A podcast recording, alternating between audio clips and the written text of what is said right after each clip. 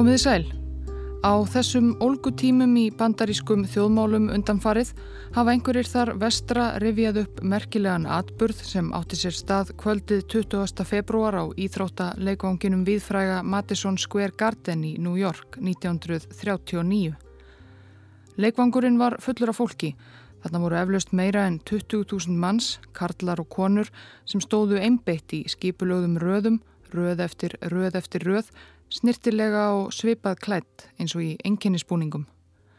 Leikvangurinn var skreittur blöðrum og borðum með slagorðum og yfir sviðinu hjekk risastór borði meira en nýju metra hár með mynd af bandarísku frelsishetjunni, hersauðingjanum og fórsetanum George Washington.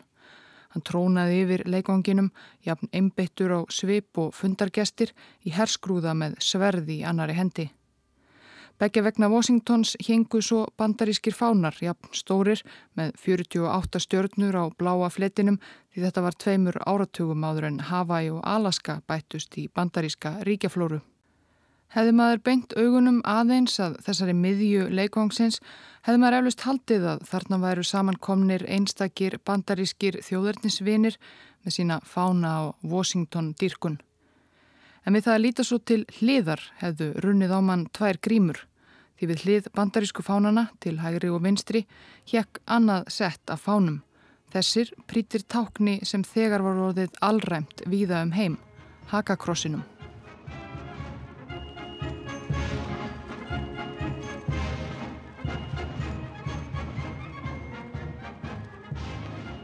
Fundurinn var að hefjast og nýður gangana milli áhorvenda marsiruðu taktfast karlmenn klættir í svartar buksur og brúnar skirtur með hermanahúfur þær sem á íslensku kallast bátar á kollunum, lífarðasveitin, já eða stormsveitin, á eftir þeim svo menn með sneriltrómur sem slóu taktinn og loks fánaberar sem báru jamt bandaríska sem og hakakrossfána.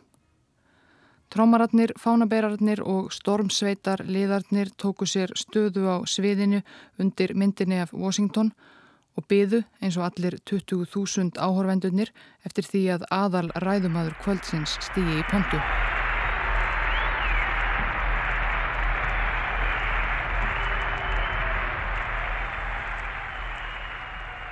Ræðumadurinn var um færtugt, þippin með þykk gleraugu og dögt hár stuttklift. Hann var í enn tilkomi meiri enkennisbúningi en stormsveitarmennir, dökk brúnum hermanajakka með svörtum kraga og spælum og með leðurbelti strekt þvert yfir hægri aukslu og þá talsverðu bumbu sem lendist undir jakkanum. Rétt áður en hann steig alveg upp að ræðupúltinu leitan yfir leikvangin og fylgismenn sína sem hrópuðu þá allir sem einn, frjáls bandaríki, frjáls bandaríki. Hann hóf málsitt. Hann talaði enn með hreim þrátt fyrir öll árin sem hann hafði þegar búið í bandaríkunum sem hann vildi frelsa. Ladies and gentlemen, Mr. Fritz Kuhn.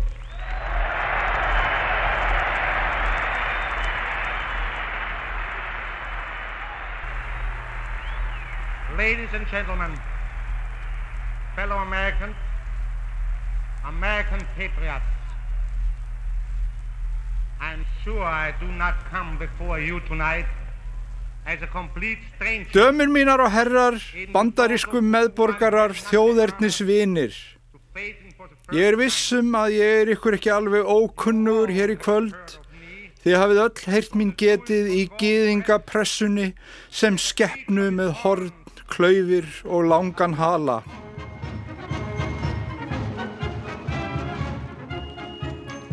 Hjónin Karl og Anna Kuhn í München eignuðist alls 12 börn. Slíkur barnafjöldi var svo sem alls ekki ofinnulegur í bæjaralandi í lok 19. aldar og við upphaf þeirrar 20. Eitt barnana 12 var sonur sem fekk nafnið Fritz og fættist 15. mæ 1896. Síðar í tíma sakfræðingum hefur ekki tekist að finna neitt sérstaklega mikið eða markvert um æsku Fritz Kuhn símun hér Ekkert sérstakt um uppvöxt hans eða nokkuð sem benti þá til þeirrar stormasögumu og undarlegu æfi sem Fritz Littli átti vissulega eftir að lifa. Þetta voru þó stormasamir tímar víða í Evrópu og á heimahögum Fritz. Árið 1913 þegar Fritz var í gagfræðaskóla flutti ungur maður til munn hérn frá Vín. Sá var sjú árum eldri en Fritz og svo sem ekkert sem bendi til þess en heldur að hann myndi eiga sérstaklega markverða æfi.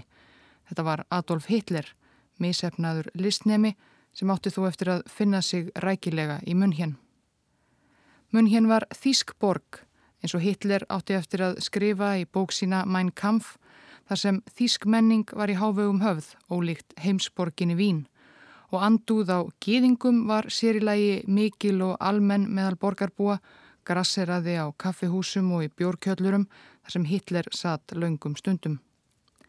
Og ætla má að þinn ungi meðborgari hans Fritz Kuhn hafi farið að stunda þá einnig því við vitum að snemma á lífsleiðinni varð Fritz sannfærður um yfirburði þýsku þjóðarinnar og upptekinn af hatri á gýðingum rétt eins og Hitler.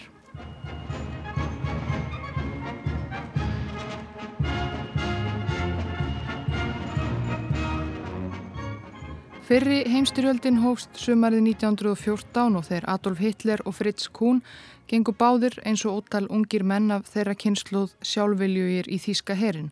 Kuhn þá einungis 18 ára gamall. Fjögura ára ferill hans í hernum var farsæll og hann var semtur í árnkrossinum, aðstu hernaðar orðu þjóðverja fyrir djörfung á vývellinum, rétt eins og Hitler. En styrjöldin sjálf endaði auðvitað ekki eins farsællega fyrir þjóðverja.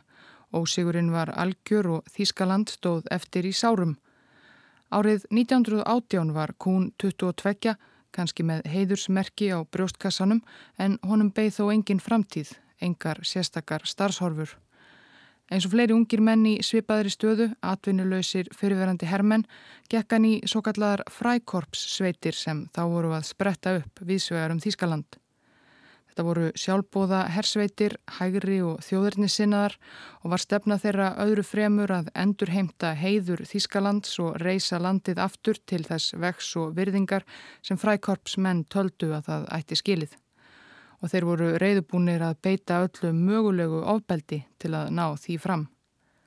Árin eftir stríð logaði Þískalandi íldeilum milli herskára hægri manna eins og þeirra sem skipuðu frækorpssveitinnar og óvinna þeirra venstrimanna, deilur sem oft urðu blóðugar. Eins og margir frækorpsmenn heitlaðist Fritz Kuhn af málflutningi Adolf Hitlers og félaga í þjóðverðnis sósialíska þíska verkamannafloknum, nazistafloknum, sem var formlega stopnaður 1920. Kuhn gekk í flokkin ári síðar, sama ár og Hitler varð formaður. Kuhn var þó ekki bara föyti því samhliða þessu las hann efnaverkfræði við háskólan í München. Námið sótist ágætlega en það sem helst setti striki í reikningin var að Kuhn var þjóvóttur og stundaði það af ákjafð að stela jökkum og frökkum samnefnda sinna. Þegar uppkomstum þjófnaðin var Kún dæmtur í fjögura mánada vist í Statelheim fangilsinu í Munhén. Nokkrum misserum síðar gisti Hitler þær sömu fangageimslur eftir að hafa verið dæmtur fyrir að efna til óerða á páskadag 1922. Þeir skoðanabræðurnir hittust þó ekki í fangilsinu. Það var síðar.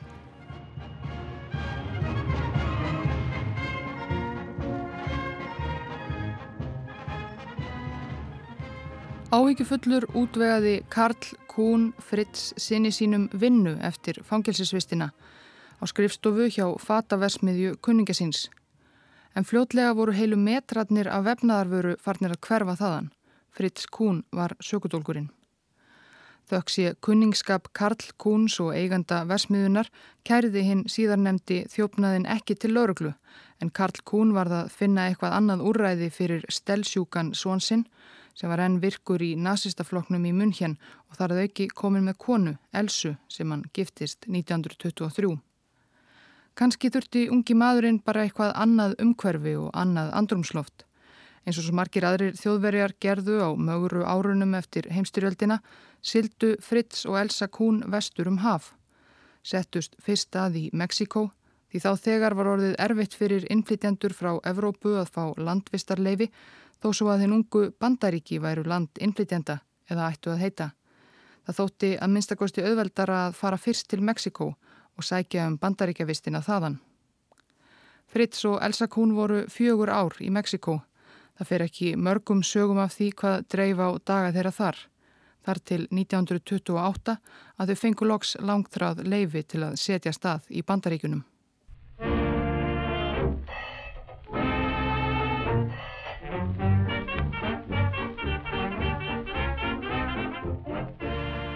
Í byrjun 20. aldar áttu um fjórðungur íbúa í bandaríkunum ættir að rekja til Þýskalands eða Þýskumælandi svæða Evrópu og Þýst menningarlíf var mikill.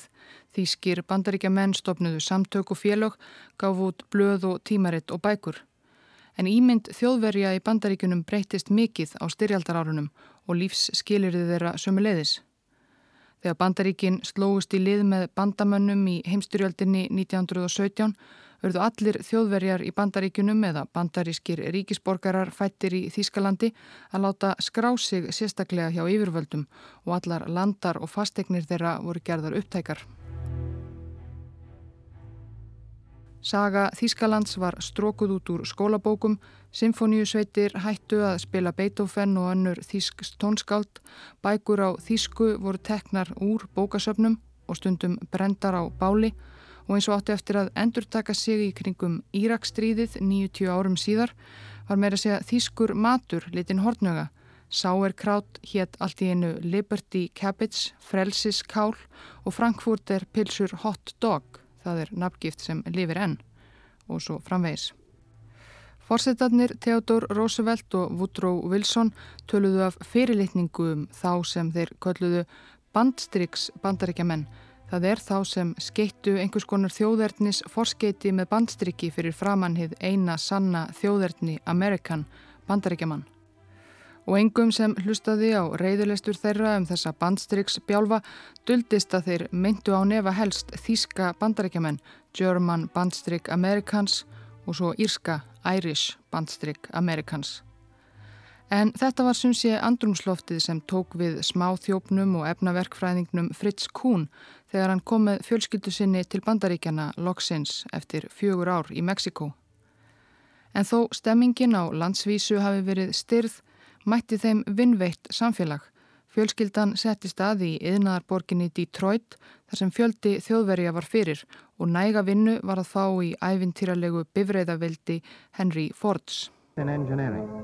And now the V8, maintaining the pace set by previous models, is a new car throughout.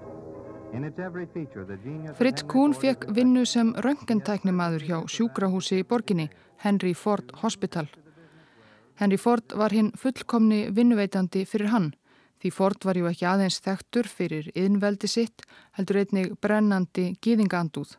Hann réði ekki gýðinga í fyrirtæki sín og dagbladið sem hann gaf út, Dearborn Independent, var ætið löðrandi gýðingahatri og áróðri.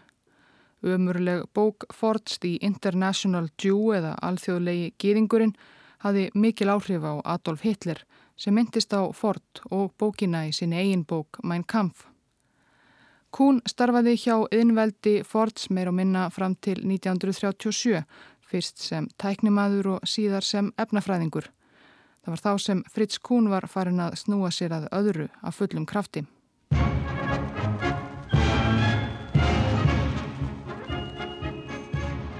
Þó svo að róðurinn hefði þingst fyrir þýska bandarækjamenn eftir fyrir heimstyrjöld voru þeir ekki af baki dotnir. Það voru enn starfrækt ímis þýsk félög og samtök og í þýska samfélaginu í Detroit og meðal þýskra starfsmanna Fords komst Fritz Kuhn í kynni við eitt slíkt. Félagskapurinn kallaði sig Vini hins nýja Þískalands. Vinirnir voru hallir undir þjóðernis sósialíska Þíska verkamannaflokkin, nazistaflokkin sem Kuhn hafi sjálfur gengið í munn hérn 1921 og var þarna 7-8 árum síðar á hraðri upplið í gamla landinu. Vinir hins nýja Þískalands komu í kjölfarið á nokkrum öðrum eldri og sundurleitum samtökum Þískra bandaríkjamanna sem dáðust að Hitler og nazistunum heimafyrir og hötuðust út í gýðinga. Slíkar skoðanir voru ekki endilega almennar meðal bandaríkjamanna af Þískum ættum en bandarísku nazistarnir voru staðráðunir í að láta til sín taka. Helst dreymdi þá um að stopna formlegan bandarískan arm Þíska nazistaflokksins. Árið 1933 fór leðtói vinnana Hæns Spanknöbel til Þýskalands þar sem honum tókst að tryggja sér og samtökunum stuðning sjálf Rudolf Hess, aðstóðarmanns Hitlers. Nazistaflokkurinn var þá komin til aðstu metorða í gamla landinu og Hitler kanslari Þískalands.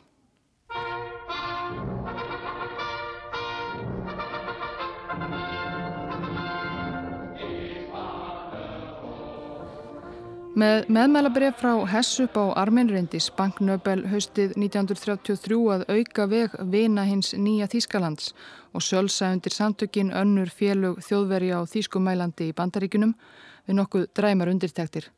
Fregnir voru þá þegar farnar að berast af embættisverkum nazistanna í Þískalandi, gýðinga, ofsóknum og fleiru og alls ekki allir þískir bandaríkjumenn sem vildu láta bendla sig við slíkt.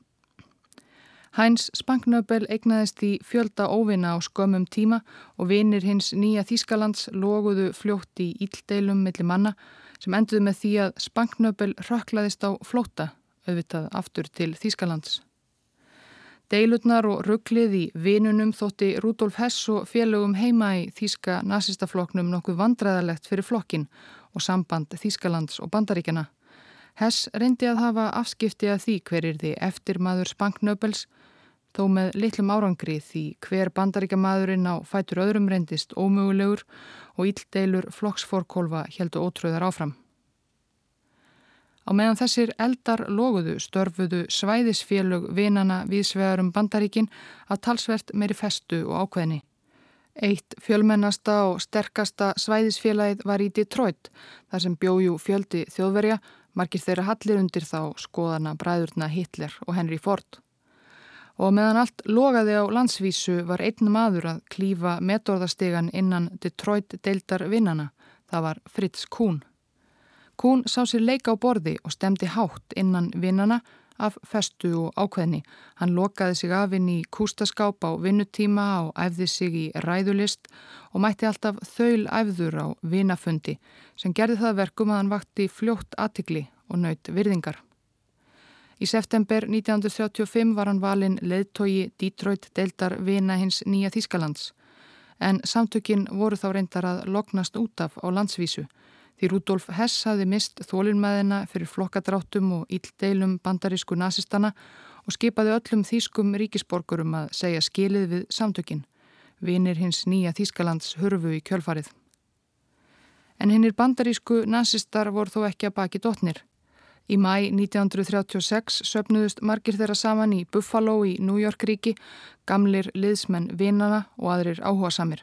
Á dagskrá var að stopna ný samtök til að beita sér fyrir framgangi þjóðverðnis sósialisma að hætti Hitlers í bandaríkunum. Samtökin fengu sakleysislegt nafn, German American Bund eða Þísk bandaríska bandalæð.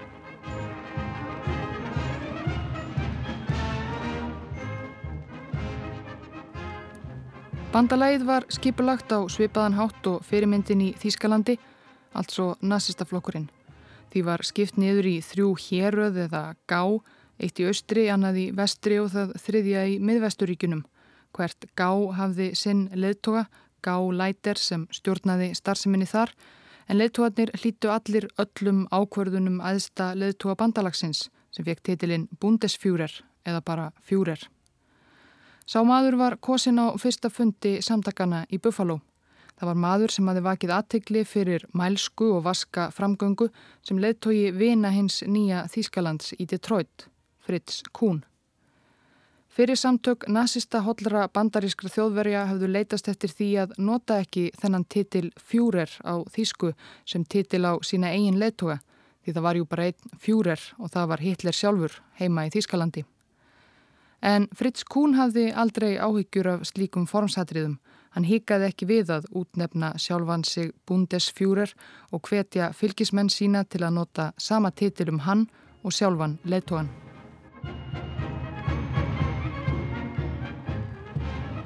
Kuhn hafði náð takmarki sínu.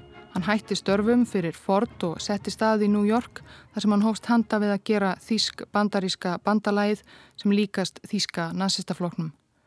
Til dæmis voru stopnaðar lauruglu eða varðsveitir sem kallaðar voru ornungstjænst eða OD. OD-menn sáu um gæslu á samkomum bandalagsins og voru lífverðir kúns og annara hátt setra liðsmanna. Sveitirnar voru nákvæmlega byggðar á þýsku fordæmi, Sturmabteilung SA sveitum nazista sem síðar urðu að SS sveitunum. og það voru einmitt aðalega fyrrum SA-menn fluttir vestur um haf sem sáu um skipulag ótíu sveitana og þjálfun. In this New York county, steeped in the traditions of Americanism, the citizenry has been roused by the presence of Camp Siegfried, operated by the German-American Settlement League. Bandarísk frettamynd frá 1938, smábær á Long Island í New York. Börn og unglingar klætti í enginnisbúninga, drengir í svörtum stuttbuksum og brúnum skirtum, stúlkur í pilsum og hvítum skirtum, marsera fram og aftur á eftir fánaberum með bandaríska fána. Það verist vera útilegu stemming, tjöld á túni og börnin hræra í pottum utandira, tálka og smíða, drengirnir æfa skotfimi og nefaleika lettklættir í sumarblíðunni. Þetta eru ekki myndskeið af skátamóti, heldur afrakstur af einu helsta kapsmáli Fritz Kuhn sem leðtoga Þísk bandaríska bandalagsins. Bandalagið áttu jú að líkjast fyrirmyndinni Þíska nazistafloknum í flestu, ekki aðeins með ótíu stormsveitunum, heldur var líka stopnuð ungliðarheyfing sem byggðu var nákvæmlega á Hitlers æskunni í Þískalandi. Síkfrít búðirnar, Kamp Síkfrít, nafnið fengið úr verkum Ríkards Wagners auðvita, voru bara einar af mörgum nazískum sumarbúðum sem spruttu upp eins og gorkulur í New York, New Jersey og nærsveitum á vegum þýsk bandaríska bandalagsins á ofanverðum fjörða áratöynum. Í búðunum stunduðu mörg hundruð börn bandalagsliða hefbundin sumarbúðastörf, tjölduðu, kveiktu varðelda, syndu og stunduðu íþróttir, auk þess sem þau lærðu að marsira í takt, bera vopp og veifuðu hakakrossfánum. Bandalagið fór ímsarleiðir í fjármálum. Sala á búningum og fánum og öðrum varningi, bókum og bæklingum var stór hluti af fjáröflun bandalagsins og sömuleiðis ímsir viðburðir og hlutaveltur. Á jólasamkomu einni voru aðalverlunin í einnig slíkri hlutaveltu hvorki meirann í minna en glæni fólksbifrið frá Ford, rjúkandi heit af færibandinu í Detroit sannarlega vegleg verlaun hjá litlum þjóðernisinna samtökum í miðri kreppu fjórða ára törins. Svo mjög að síðari tíma sakfræðingar hafa velt fyrir sér hvernig í óskupunum bandalægið gatt leift sér slík fjárútlót. Og tilgáttan er að bandalægið hafi alls ekki keift kakkan, heldur hafi Henry Ford sjálfur látið hann af hendi rakna til að styðja samtökinn. Ferill Fritz Kuhn sem tæknimaður og efnafræðingur hjá Ford-veldinu hafði ekki verið sérstaklega glæstur eða eftirtæktarverður en margt bendir til þess að þó þeir hafi aldrei viljað tjásíkum það ofinberlega hafi Kuhn og yðnjöfurinn hans fyrverandi yfirmaður endur nýjað kinnin og Ford hinn annálaði gýðingahattari þá kunnað vel að meta störf Kuhns. Síðar sá Kún og ástöðu til þess að rekja sérstaklega í ræðum og riti orðuróm þess efnis að Ford borgaði fyrir starfsemi Þísk bandaríska bandalagsins en kannski var sem sé eitthvað til í þeim orðurómi.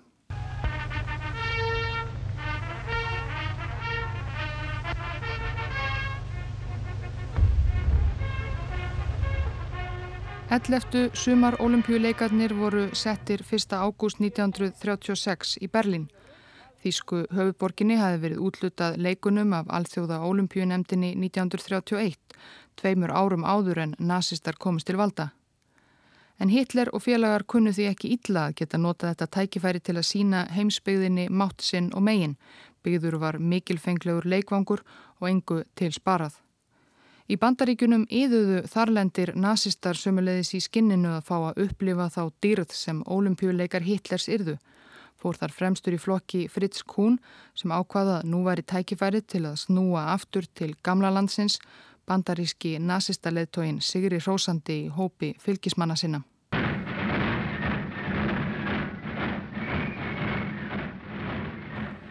Í Berlín í byrjun ágúst 36 fengu Kuhn og bandarísku nazistarnir konunglegar mótökur fóru í skoðanaferðir um dýrðir höfuborgarinnar, nazíska helgistaði eins og gröf píslarvottarins Horst Wessel og sáu mikilfenglegar skrúgöngur á breyðstrætum. Fritz Kuhn held í gerðnan fjálglega fram að hann hefði verið viðstattur bjórkjallara uppreysnina frægu í München 1923, áranguslausa valdaránstilraun Hitlers og nazistana Jáfnvel að hann hefði svo gott sem verið við hægri hönd Hitlers á meðan öllu stóð. Kuhn var vissulega félagi í nazistafloknum á þeim tíma en engar heimildir eru fyrir því að hann hefði verið við eða tekið þátt í uppreysninni eða að þeir Hitler hafi átt í nokkrum samskiptum áður en Kuhn röklaðist vestur um haf. En annan ágúst 1936, degi eftir komuna til Berlínar og setningu olimpíuleikana, fekk Fritz Kuhn allavega loksins að hitta fyrirmynd sína á hetju. Kunningi hans innan flokksins gætt kifti í einhverja spotta og komið á fundi leðtóana tvekja, Hitlers og Kuhns, ef fund skildi kalla. Síðdeis var Kuhn og þremur fjórum samferðamönnum hans úr bandalæinu hraðaðinn í móttöku herbergi kanslarahallarinnar. Þar var fyrir Hitler sem tók í höndina á Kuhn og tók við gjöfum gestana, bókum starfsemi Þísk bandaríska bandalagsins. Kuhn fekk á móti áritaða mynd af Hitler. Þeir skiptu svo nokkrum kurtesis orðum og Hitler kvatti Kuhn óljóst til að halda baráttunni áfram í vestri. Svo var því lokið. Á nefa einhver stesti dagurinn í lífi Fritz Kuhn en hvað Hitler fannst um þennan stuttafund, ef eitthvað, er ekki vitað.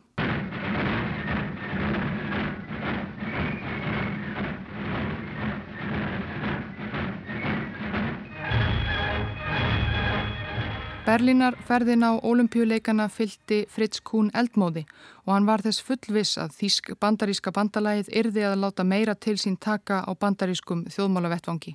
Hann setti auking kraft í fundarhöld og yfirlýsingar og let reglulega í sér heyra í aðdraganda fórsetakostningana í november. Hann lagði fæða og Franklin Roosevelt fórseta sem gaf kost á sér til endurkjörs, sakaði hann um að vera meðvirkur með hættulegum gýðingum og marxistum og kallaði hann gíðinglegu nafni Rosenfeld til háðungar.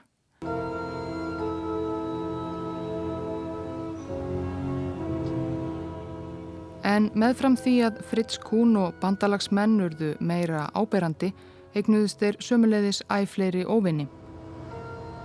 Í atriði úr annari kvikmynd Francis Ford Coppola um Guðfæðurinn fer Michael Corleone til Miami á fund Hæmans nokkurs Roths gamals glæpakongs og viðskiptafélaga föður síns Vító. Just one small step looking for a man that wants to be president of the United States and having the cash to make it possible. Michael, we're bigger than US Steel. Persona Roths sem leikin er af Lee Strasberg er mjög augljóslega byggð á Meyer Lansky, einum stórtækasta mafjósa millistriðsárana í bandaríkunum. Hann var gýðingur, fættur í Grodno þar sem nú er Kvítarúsland og starfaði fyrstum sinn aðalega með sínum líkum í bandarísku gýðingamafíunni en átti síðar göföld samstarfið ítalska starfsbræður sína í spilavítisrekstri og fleirum. En Lanski syndi öðru meðfram. Samkvæmt því sem mafjósinn saði síðar frá sjálfur leituðu til hans tveir valdamiklir og nabtógaðir menn í gýðingasamfélagi New York, einn rabbini, hinn dómari og báðu hann og menn hans um að vinsamlegast gera eitthvað í þessu með þísk bandaríska bandalæð og það svíverðilega geðingahattur sem þeir voru að breyða út. Lanski rann blóðið til skildunar og tók málið föstum tökum. Hann þjálfaði menn sína, geðinga, gangstera og smákrima, gaggjert í slagsmálum og tækni til að berja á nazistum. Þjálfunin spurðist svo út og til hans streymdu ungir geðingar sem buðu sig fram í barsmiðarnar einnig og svo bara aðrir sem ekki vildu sjá nazista á gödum bandarískra borga. Fljótlega gatt bandalægið hverki fundað eða bandalagsliðar komið saman á þess að þar byrtust gangsterar gráir fyrir járnum og þeir hikuði ekki að berja í klessu hvern þann sem létt sjá sig á bandalagsfundum. Eða eins og Lanski saði síðar frá fyrsta bandalagsfundinum sem hann reðst á. Við vorum bara 15 en letum til skara skrýða. Við hendum nokkrum út um glukka Flestir nazistætnir urðu hrættir og hlöpu út. Við eldum þá og lömdum þá.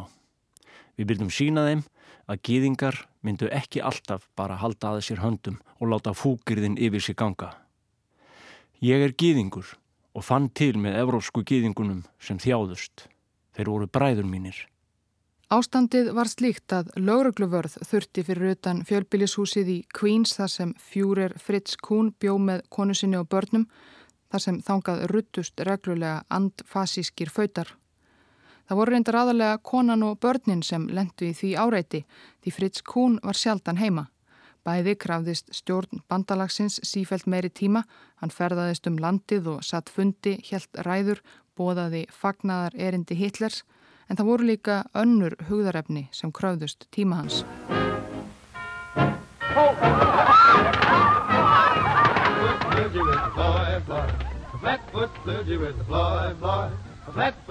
Þísk bandaríska bandalæði lagði áherslu líkt og nazista flokkurinn á hreisti og heilnæmti lífverðni sem sönnum arjum sæmti, hvort sem var í varðsveitum bandalagsins, sumarbúðum bandalagsbarna eða meðal almennra félagsmanna.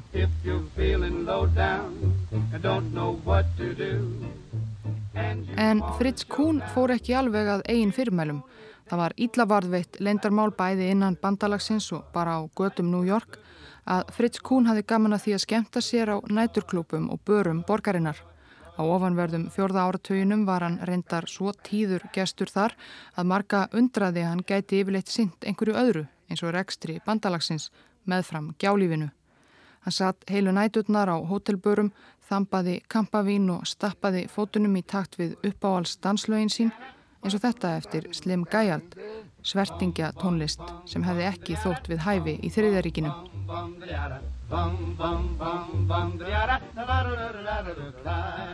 Kún hafði orðið allræmdur fyrir kvennsemi sína og daður strax á fyrstu árum sínum í bandaríkunum þegar hann vann fyrir Ford í Detroit. En sem nazista fóringi í New York slefti hann algjörlega fram af sér beislinu og meðan Elsa, kona hans, satt heima í Queens var hann í hverju nætur æfintýrinu og fætur öðru með fögurum konum á Manhattan. Þetta var mjög ítla varðveitt lendarmál en það fór kúnjafnan mikinn á börunum.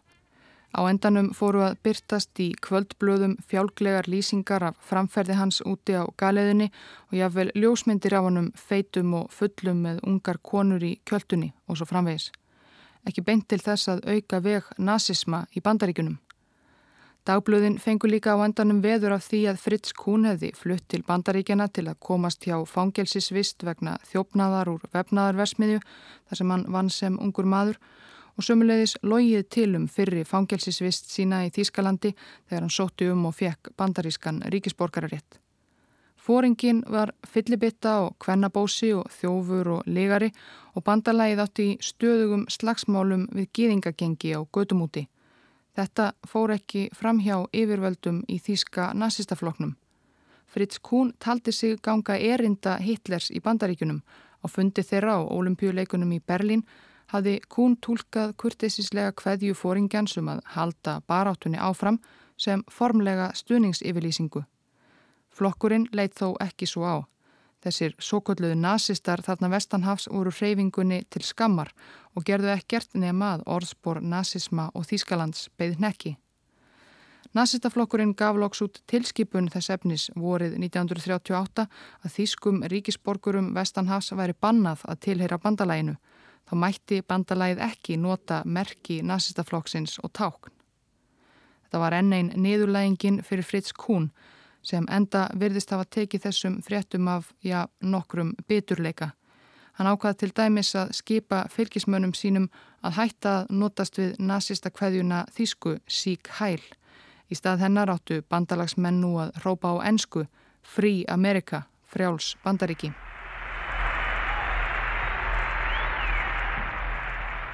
Þrátt fyrir allt sem á undan var gengið var tilkomi mikill fjöldafundur bandalagsins í Madison Square Garden sem fjalla var um í upphafi þessa þáttar á nefa hápunktur reyfingarinnar. Þrátt fyrir allar deilutnar og slagsmálinn og þrátt fyrir að fjölmiðlar fjölluðu um Fritz Kuhn sem feitan og fjölþrefin fylliraft og þrátt fyrir að reyfing hans hefði orðið þýskum nazistum til skammar Þrátt fyrir allt þetta mættu 20.000 manns til að hlusta á hann tala á sinni reymþykku ensku.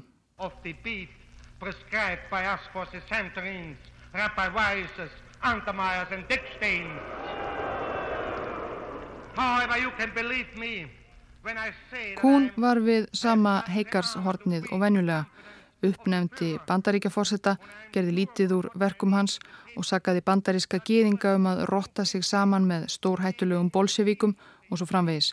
Fór mikinn um glæsta sögu bandaríkjana og kallaði Washington sem tróndi yfir honum á nýju metra borða muniði fyrsta fasistan.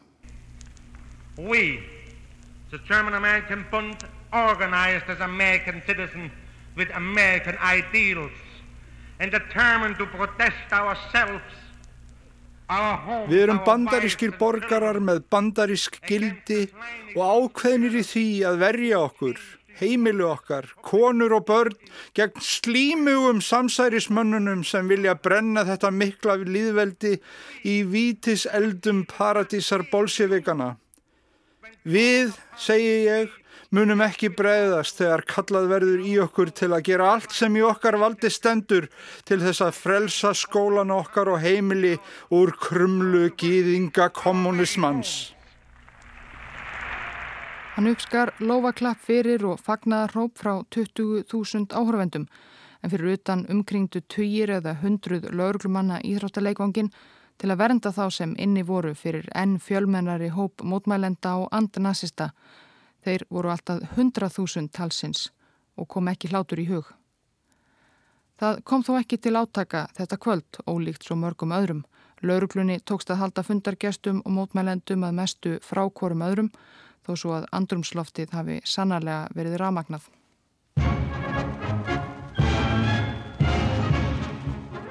Eftir fjöldafundin á Madison Square Garden voru borgar yfirvöldi í New York komið með feiki nóg af innfættu nazistunum Borgastjórin Fiorello Lagardia fór að leita leiða til þess að þakka niður í Fritz Kuhn og mönnum hans. Engun veginn, þó þeir hefðu ekki beint neinn lög brotið ennþá, eða hvað.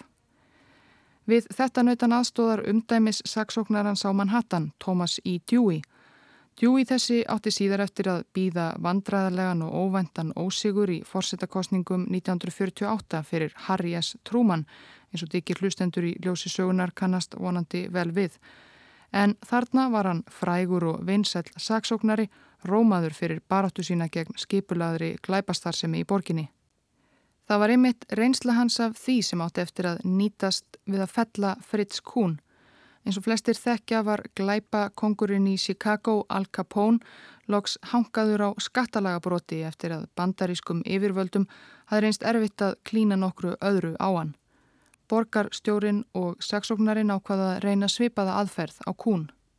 Með því að rína í bókald og skattaskýslur bandalagsins og kúns sjálfs tókst djúi saksóknara loks að sína fram á að kún hefði dreyið sér um 14.000 dollara úr sjóðum samtakana, næri 30 miljónir íslenskara króna á núverði.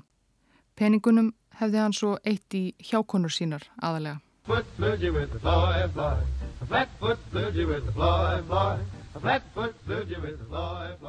Kanski hefur Fritz Kuhn fengið veður af rannsókn borgaryfirvalda og fjármálum hans.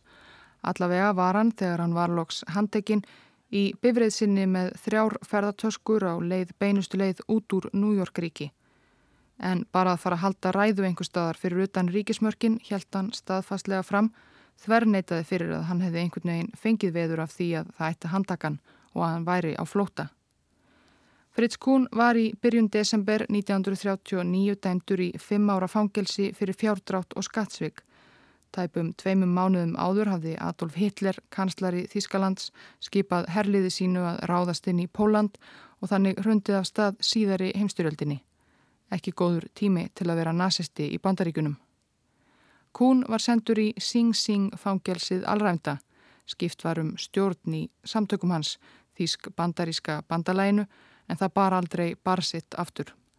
Árið 1941 lístu bandaríkinni vir stríði á hendur Þískalandi Hitlers og þá varð bandalægið að ólögulegum samtökum. Fritz Kuhn varði öllum styrjaldarárunum í fangelsi og var í stríðslokk sviftur bandarískum ríkisborgararétti sínum og sendur aftur til Þískalands. Hann lest í heimaborg sinni munn hérn 1951-55 ára og var þá orðin svo einangraður og ómerkilegur að New York Times frétti ekki af andláti hans fyrir en ári síðar. En hann var auðvitað ekki síðasti bandaríski nazistinn.